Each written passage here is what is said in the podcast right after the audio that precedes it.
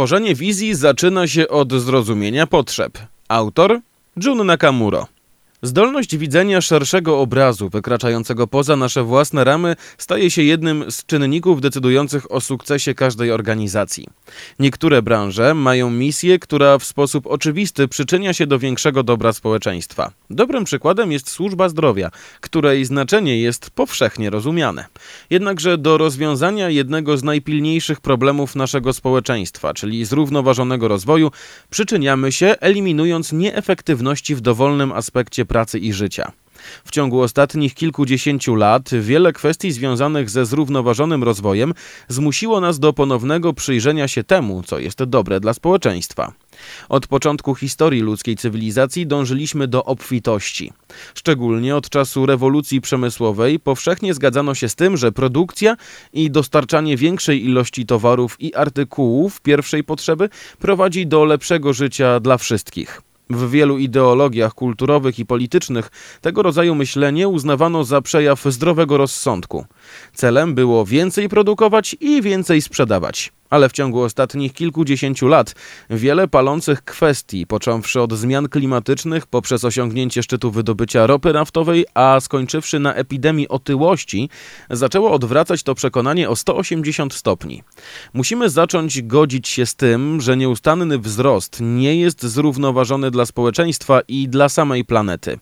Dla wielu osób w krajach rozwiniętych życiowym mottem stało się mniej konsumuj, a więcej oszczędzaj. Ludzie ci oczekują, że kupowane przez nich produkty naprawdę zaspokoją ich konkretne potrzeby.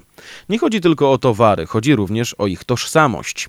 Fakt ten wzmacnia potrzebę dążenia przez przemysł do realizacji koncepcji just in time, której sednem jest produkowanie tylko tego, co jest potrzebne wtedy, gdy jest to potrzebne w takiej ilości, jaka jest potrzebna oraz w oczekiwanej przez konsumenta jakości.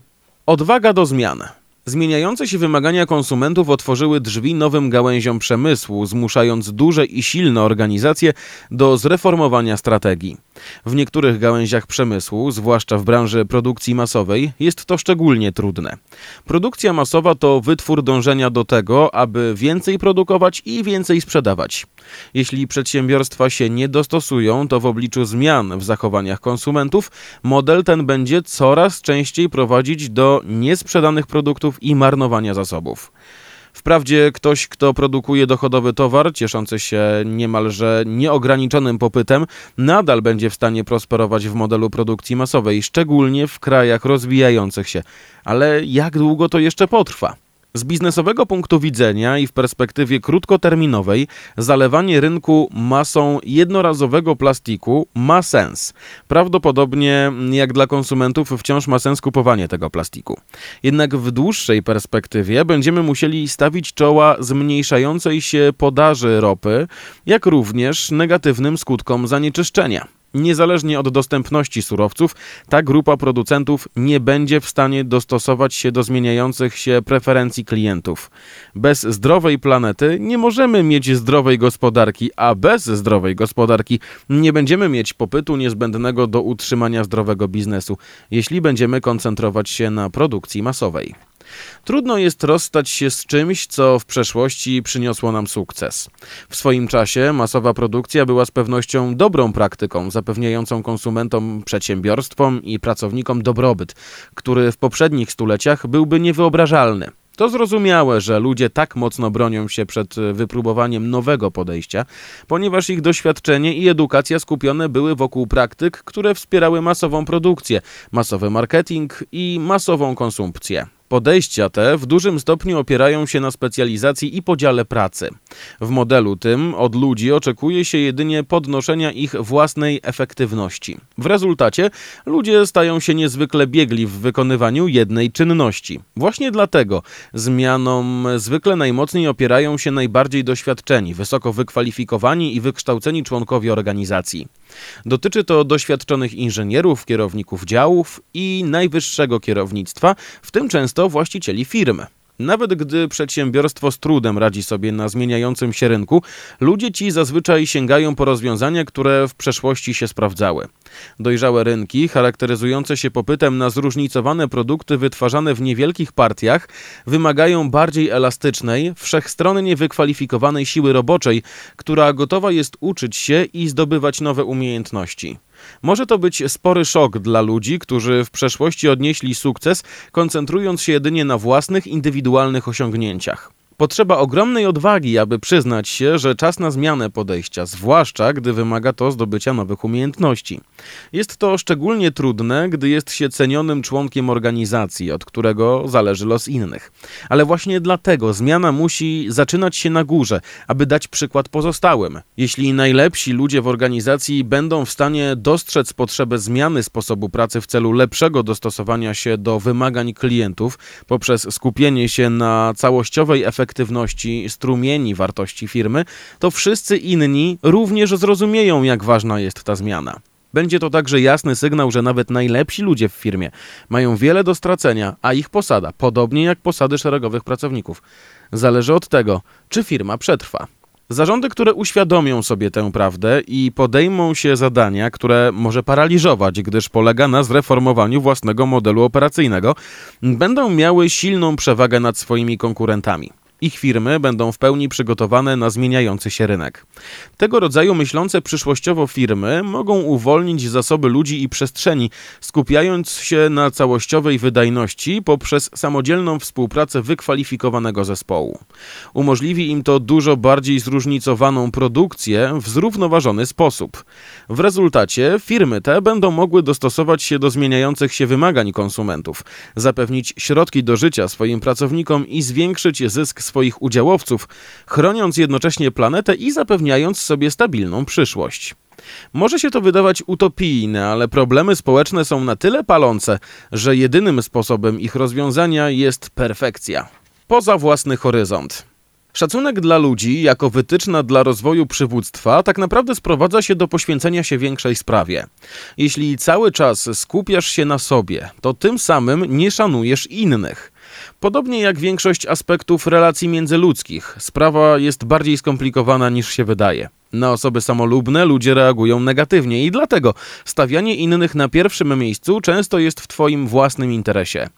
Wyzwanie polega na tym, aby wiedzieć kiedy i w jaki sposób Twoje działania mogą przynieść wzajemne korzyści Tobie i ludziom z Twojego otoczenia. Aby to uprościć, wiele organizacji opiera się na wizji i misji. Wszyscy idziemy do pracy, aby zarobić pieniądze, z których utrzymujemy siebie i swoje rodziny, co jest przejawem rozwoju logicznego myślenia. Ale ponadto chcemy też mieć poczucie, że to, co robimy, ma pozytywny, a nie negatywny wpływ na społeczeństwo, co z kolei jest przejawem rozwoju naszej ludzkiej natury. Powyższe jest odzwierciedleniem tego, co widzimy w definicjach różnych rodzajów edukacji przywódczej. Musisz rozwijać swój logiczny umysł, aby dbać o własne potrzeby, ale musisz również rozwijać swoją racjonalną ludzką naturę, aby dbać o zbiorowe potrzeby społeczeństwa. Na dłuższą metę, zarówno dla organizacji, jak i dla tych, którzy w nich pracują, warunkiem koniecznym odniesienia sukcesu jest etyczne poczucie celu. Misja może zapewnić to poczucie na najwyższym szczeblu i w naturalny sposób przemawia do dyrektorów generalnych i prezesów, ale potrzebę posiadania celu mają ludzie na każdym szczeblu, z szeregowymi pracownikami włącznie. Nie chodzi tu jedynie o to, co firma sprzedaje. Chodzi o to, co każda osoba codziennie daje od siebie. Dlatego też wszystkie szczeble organizacji muszą komunikować się ze sobą, nie obawiając się o nieporozumienia i konflikty. Każdy człowiek ma inną perspektywę i inne cele, więc nie da się uniknąć pewnej różnicy zdań. Jeśli naprawdę chcemy robić to, co słuszne dla zbiorowego dobra, zarówno w naszej firmie, jak i w społeczeństwie, musimy być gotowi na konfrontację przeciwstawnych punktów widzenia i interesów, aby opracować strategię, która przyniesie najlepszy rezultat wszystkim zaangażowanym stronom. Zacznij od potrzeby. Pierwszy rozdział książki Ono pod tytułem The Toyota Production System nosi tytuł Starting from Need. Zacznij od potrzeby. Oznacza to, że potrzeby każdego człowieka, firmy jako całości oraz całego społeczeństwa oparte są na zmieniających się warunkach. Dlatego też ludzie muszą być gotowi, aby bronić swoich przekonań, zachowując jednocześnie otwartość na to, że mogą się mylić, a rację ma kto inny. Nie można tak naprawdę poznać wartości danej koncepcji czy idei, dopóki nie wystawi się jej na próbę. W ten sposób powracamy do wychowania fizycznego, tworzenia siły i odwagi niezbędnej do tego, by wprowadzać w czyny zbiorowe idee, by uczyć się na ich sukcesach i porażkach. Tak jak nie powinniśmy się wstydzić, gdy mówimy innym, że się mylą, tak nie powinniśmy wstydzić się tego, że mylimy się my sami. Z kolei powinniśmy się wstydzić, gdy nie próbujemy nowych pomysłów albo nie korzystamy z możliwości uczenia się poprzez działanie. Jeśli nigdy nie dopuszczasz do siebie myśli, że możesz być w błędzie, to prawdopodobnie nie stawiasz sobie wyzwań, a twoje podejście nie jest zbieżne z potrzebami organizacji. Uświadomienie sobie tego jest pierwszym krokiem do odłożenia na bok własnego ego i znalezienia podejścia, które będzie najlepsze dla wszystkich zaangażowanych, zamiast rozwiązania, które w dobrym świetle ukaże jedynie ciebie jako jednostkę. Zakończę cytatem. Tworzenie kultury organizacyjnej, która potrafi się zmieniać i przystosowywać, jest ważniejsze niż obfitość zasobów. Na elastycznej kulturze opiera się siła organizacji. Hitoshi Yamada, mój mentor. Jeśli nigdy nie dopuszczasz do siebie myśli, że możesz być w błędzie, to prawdopodobnie nie stawiasz sobie wyzwań.